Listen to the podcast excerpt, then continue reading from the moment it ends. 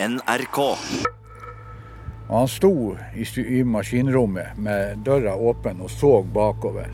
Og han ropa opp til skipperen at nå går Brattega i berga. Et eller annet skjedde som ikke skal skje. De der spørsmålene de er jo mer kommet opp nå seinere. Jeg kan ikke skjønne at, at de var nødt å trosse en storm.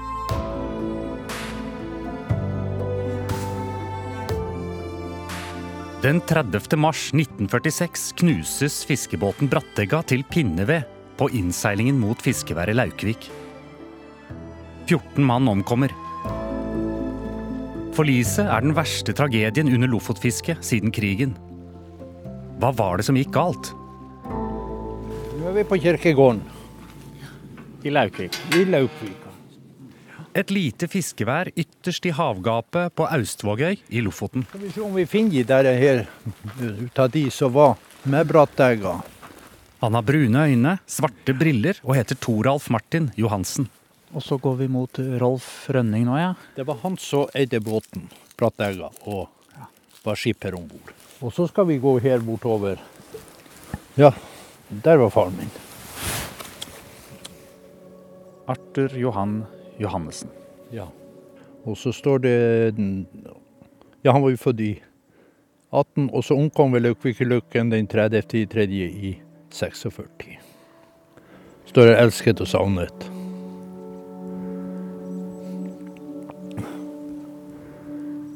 Da Brattega forliser, mister fiskeværet Laukvik 14 av sine menn. En av dem er faren til Toralf. Hva var det som skjedde denne marskvelden i 1946? For å finne ut mer vil Toralf at vi snakker med en spesiell dame. Hvem skal vi dra til nå, Toralf? Anette Didriksen. Så så hele tildragelsen da de forliste. Arnete Didriksen bor i et gammelt, hvitt hus med røde vinduer og grå skiferstein på taket. Står det en rullator utenfor? Ja ja. Hun er litt dårlig til beins. Men hun er jo gammel damen. Ja, Hvor gammel er hun? 103. 103. Ja. I 1946 er Arnette 32 år gammel. Hva var det hun så? Hva slags liv var det i Laukvik på denne tiden?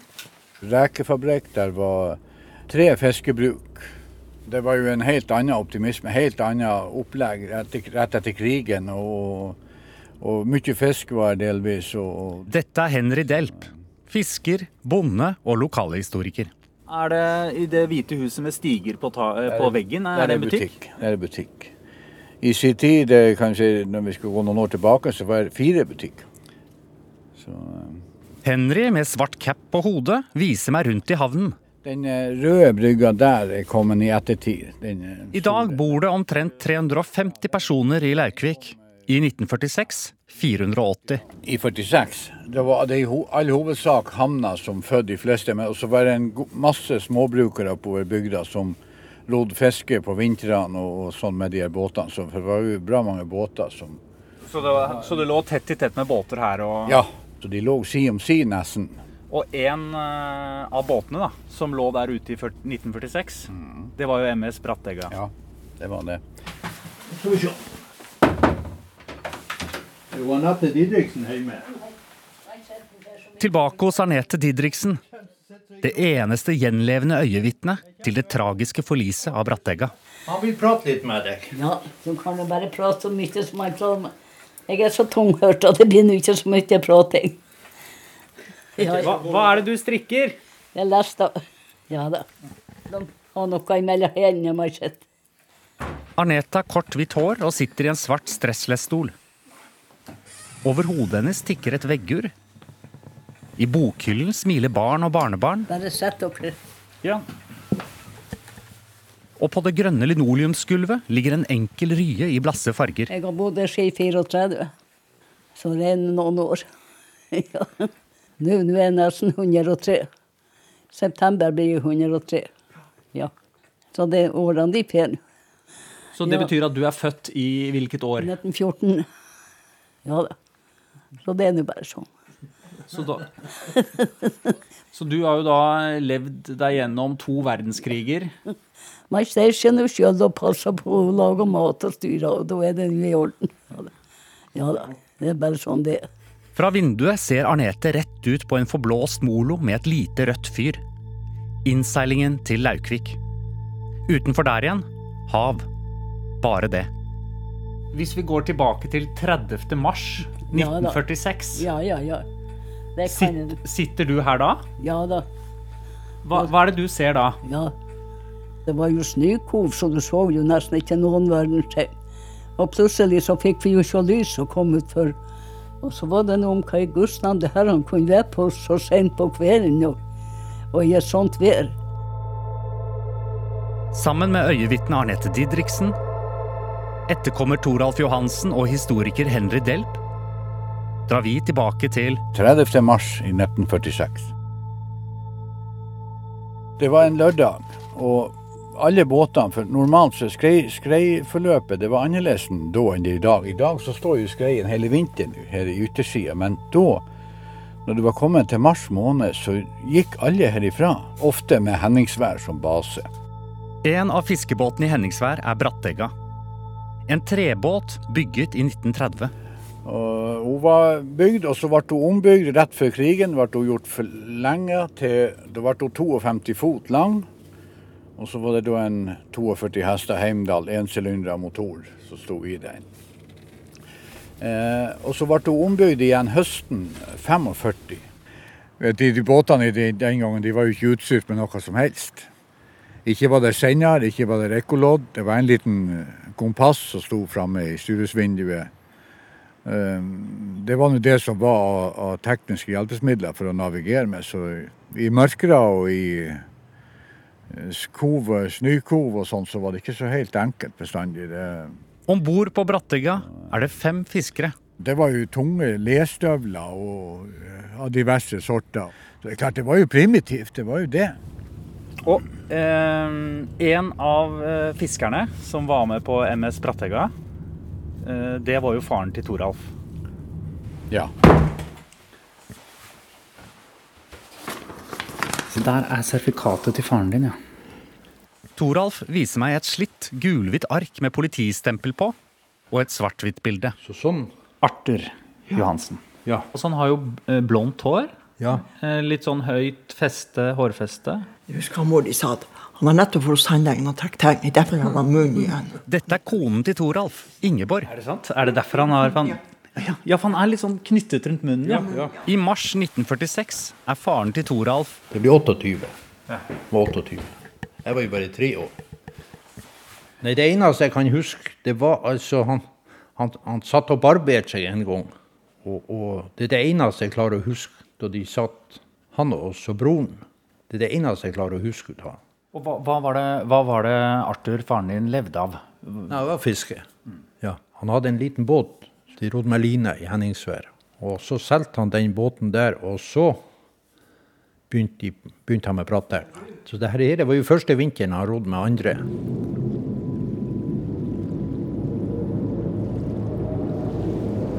Brattega ligger i Henningsvær. Det var en lørdag. Og de skulle hjem til helga. Hjemme venter Toralf, fire søsken og moren Henny. Ja, du vet, de, fleste venta jo for at det var helt normalt at, eh, at de kom hjem hver helg. Hver lørdagskveld. Det sier lokalhistoriker Henry Delp i Laukvik. Men alt er ikke som det skal være denne lørdagen. De var jo, skulle gå denne lørdagen òg, men da var det gitt telefonisk beskjed fra telegrafen her. Og det var en erfaren fisker som, som egentlig hadde telegrafen og har sett det sånn an at ingen båter måtte komme utover den lørdagskvelden. Han var uvær, så de skulle ikke brattegge. Han har fortøyd opp, han har ankra opp, så han skulle ikke gå ut. Så skjer det noe skjebnesvangert. Men så øh, var det en del folk som begynte å mase på om man ikke skulle gå, om man ikke skulle gå, om man ikke skulle gå, og så fikk de være med. Fiskerne vil hjem til Laukvik. Skipperen på Brattega, Rolf, gir etter for presset og drar ut fra den trygge havna i Henningsvær. Jeg husker ikke hva han het den, så skulle gå hjem. Men så nekta han skipperen. Han gikk ikke, for det var så dårlig vær. Og så fant de ut at de skulle gå på Brattega. Så, så de var egentlig to mannskap fra to båter med Brattega. Om bord på Brattega blir det til slutt 14 mann. 14 mann som aldri vil få se familiene sine igjen.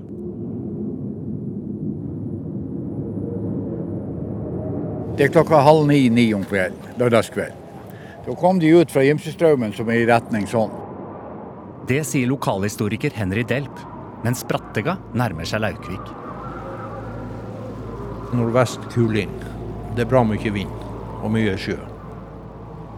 Når du forlater Gimsestraumen, så er det en fem-seks kvartmil, altså nautiske mil, med litt grunt hav, ureint hav, og veldig stygge skjær og båer langt utover. Ved innseilingen til Laukvik møter Brattega to andre fiskebåter. Noregga og Havdur med skipper Bugge om bord. Og, og, så slakka de, la de seg til utfor det her og lå og så på hvordan de, om de Så på en eller annen måte hadde de fått gjort tegn sånn at de to minste båtene gikk først. Den første båten som kom inn, han, han letta på ei båre. For det, det var et skjær utfor, et undervannsskjær. Faren til Toralf er om bord på Brattega. Altså, når, når det brøt tre ganger på den, så la sjøen seg, og da kunne de gå. Og den første båten som gikk inn, han venta på de tre. Og så for han. Og best som det var, så fikk vi se et lite lys. Men det var bare i topptelen. Samtidig står Arnete Didriksen og ser ut av vinduet. Det er bekmørkt, kraftig vind, fire til fem meter høye bølger hiver mot land. Så glimter det i mastelanternen på første båt inn. Havdur med kaptein Bugge. Og hun kom snikende tett for med odden der, og så går det inn gjennom Haugesundet, som vi kaller det. Sundet som går inn der, forbi det der huset. For det var ikke der nede den gang. Havdur klarer seg fint. Så er det Noregga sin tur. Noregga han har vært ute, for han rodde med garn og driver garn. Og han var, båten var full av fisk.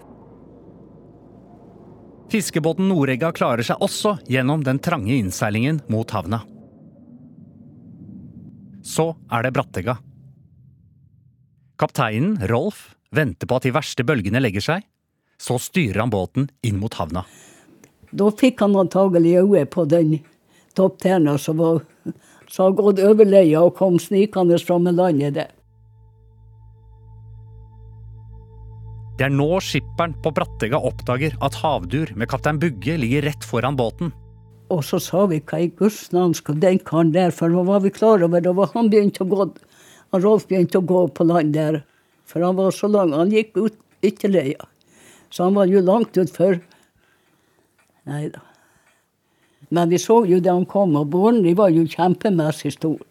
Hvor, hvor, store tror du det er? Ja, jeg vet ikke, men fire-fem meter iallfall. Det var det minste. Og, og, så satt vi her så spent, og vi var jo klar over at de kom til å, å krysse hverandre. Og Rolf var jo den som måtte, som måtte fire, og den andre måtte komme forbi. I samme øyeblikk ser en av fiskerne på havdur hva som er i ferd med å skje. Han sto i, i maskinrommet med døra åpen og så bakover. Og han ropa opp til skipperen at nå går Brattega i berga.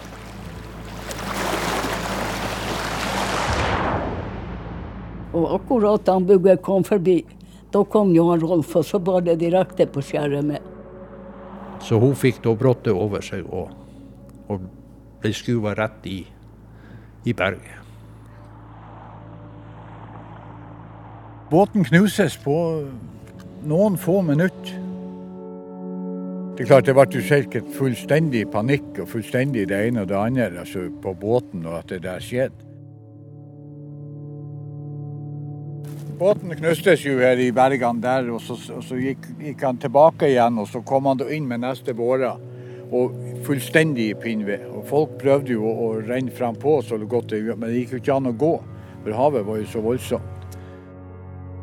Og Kallen har ropa jo åt dem at de måtte bare komme og få tak i tauet, så skulle han dra dem på land. Men ingen reagerte selvfølgelig sånn.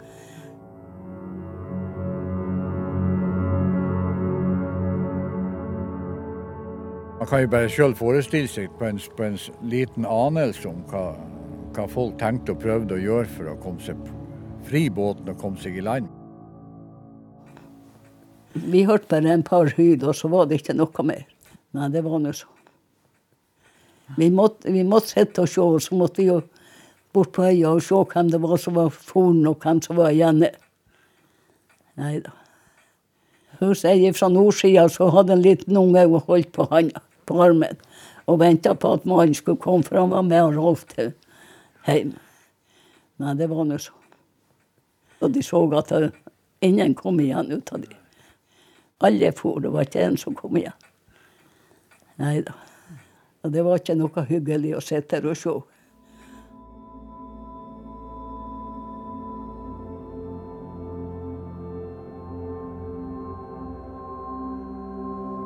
Ettersom jeg har fått fortalt, så fikk ikke vi vite noe for dagen etter.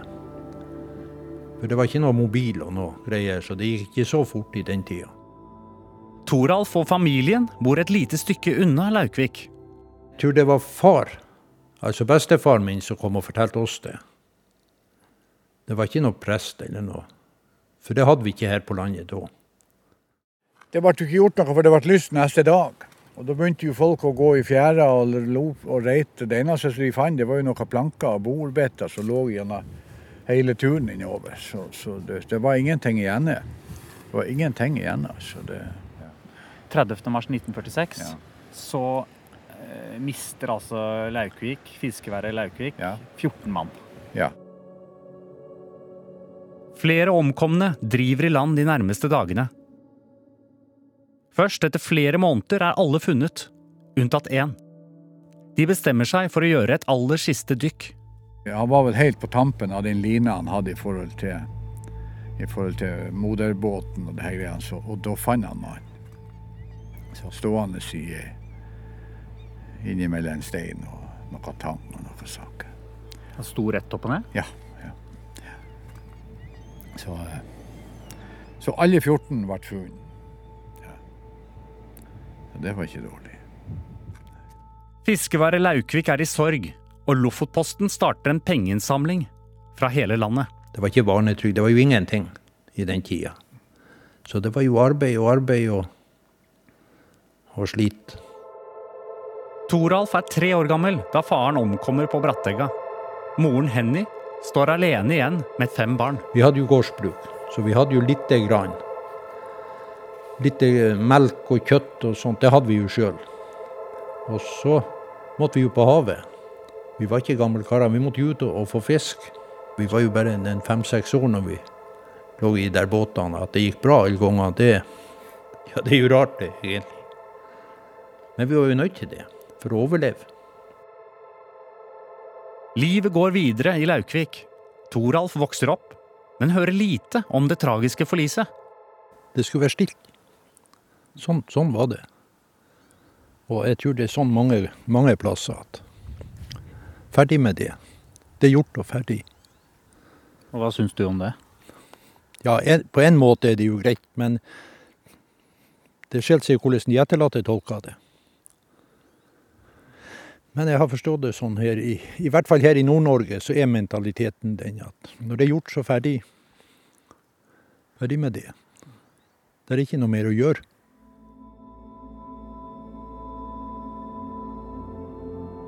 De der spørsmålene de er jo mer kommet opp nå seinere. Hva som skjedde, og, og hvorfor de måtte gå den lørdagen ifra Henningsvær utover. Og Roy på Brattega var en erfaren skipper. Innseilingen til Laukvik regnes ikke som spesielt vanskelig. Så hvordan kunne dette forliset skje? Et eller annet skjedde som ikke skal skje. Henry Delp er lokalhistoriker. De to andre båtene de gikk helt greit inn. Så, så det blir jo som teorier som man ikke vet svar på i det hele tatt, men, men noe var ikke riktig. de trassa jo været. Så hvorfor de gikk? Og når du selv tenker på svar på disse spørsmålene, hva, hva tenker ja, du selv? Altså, da tenker jeg at det var rett og slett tullskap. Ja, det, ja, det er det jeg mener. Altså, alle, alle kunne få se mat i Henningsvær. Jeg kan ikke skjønne at behovet var så stort for å komme hjem. At de var nødt til å trosse en storm. Jeg har sagt det i alle år. Du skal ikke være redd på havet, men du skal ha respekt for det i dårlig vær. Og, og når du går i sånt dårlig vær utover her, da har du ikke respekt for havet. Hvorfor dro de ut når de visste at det var dårlig vær? Ja, det er et godt spørsmål. Det, men Brattegga den, han ble nok påvirka av For han har fortøyd båten. Han skulle ikke gå noen sted. Nei, jeg vet ikke hva jeg skal si. Du tror jo aldri det verste, i alle fall. Men det er klart, du, du, de har jo ikke tatt uh, varselet alvorlig nok. Så du ble presset litt? Bratt, Ja, jeg tror nok han, jeg tror nok han ble litt ikke pressa, ja ja. Iallfall ja, masa på. Jeg syns det er utrolig usannsynlig at alt skulle være i orden med et eller annet i båten. Med utstyret? Ja, jeg tror et eller annet har svikta. Og jeg kan jo òg nevne det sånn at han, Rolf Rønning, som var skipper, han likte ikke båten etter den siste ombygginga som skjedde i Skjervøya høsten 45. Så han sa med det han sagt ut, at eh, når det ble vår, så skulle han selge båten. Jeg vil jo tro at sjøegenskapene ikke var blitt bedre mens han ikke likte båten. Det finnes flere teorier på hvorfor Brattega forliste. Etter at båten ble bygget om, var den sterk nok for en storm? Var det noe av utstyret om bord som sviktet? Eller lå en av de andre båtene i veien, så Brattega kjapt måtte endre kurs? Rett på skjæret. I og med at ingen kommer tilbake, ingen kan fortelle noe som helst, så blir det jo antakelser og litt gjetninger. Men to ting vet vi. Det var storm, og Brattega trosset advarsler om været.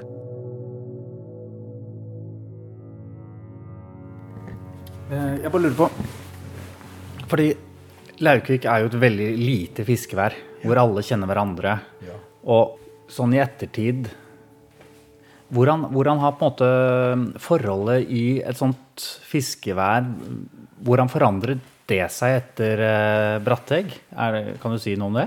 På, på 50, da jeg begynte på 50, midt på 50-tallet, og 1950- og 60-tallet utover her, det var et veldig godt samhold blant folk i Laukvika. For det var mye båt i den tida, i stedet for i dag. Da er det jo ingenting. Men da var det mye båt, og så var vi seks-syv på hver båt. Alle bodde der nede på buen og, om vinteren. Og det var et veldig godt samhold. Så uh, alle tok vare på, på hverandre. Altså Hvis en båt ble forsinka, at det var dårlig vær og han ble forsinka, så venta de andre når vi var ute på havet. Så alle skulle komme i lag. Ja. Og, og, og, det kan jo hende jeg har noe i den tida at det hadde noe ettervirkning etter det. Det. Det skal du ikke se bort ifra. Ja, der var faren min. Arthur Johan Johannessen. Ja. Tilbake på kirkegården i Laukvik med Toralf. Og så står det Ja, han var jo født i 18, og så omkom ved Laukvikelukken den 30. tredje i 46. Står det 'elsket og savnet'. Så er det tegnet et kors der. Jeg har jo holdt på å male den opp sjøl, men det er jo ikke alle ganger det blir helt rett. De ser nå hva det er. Ja. ja. En av fiskeheltene langs Ja. norskekysten. Ja, det blir jo det. Det blir jo det. Og sånn som her fant de jo alle, her i Laukvika. Men det er mange plasser de ikke finner de. Da er det litt tyngre. Så jeg vet ikke. Nei, men vi har jo en plass å gå til. Det er fint. Ja, ja, ja. Det er det.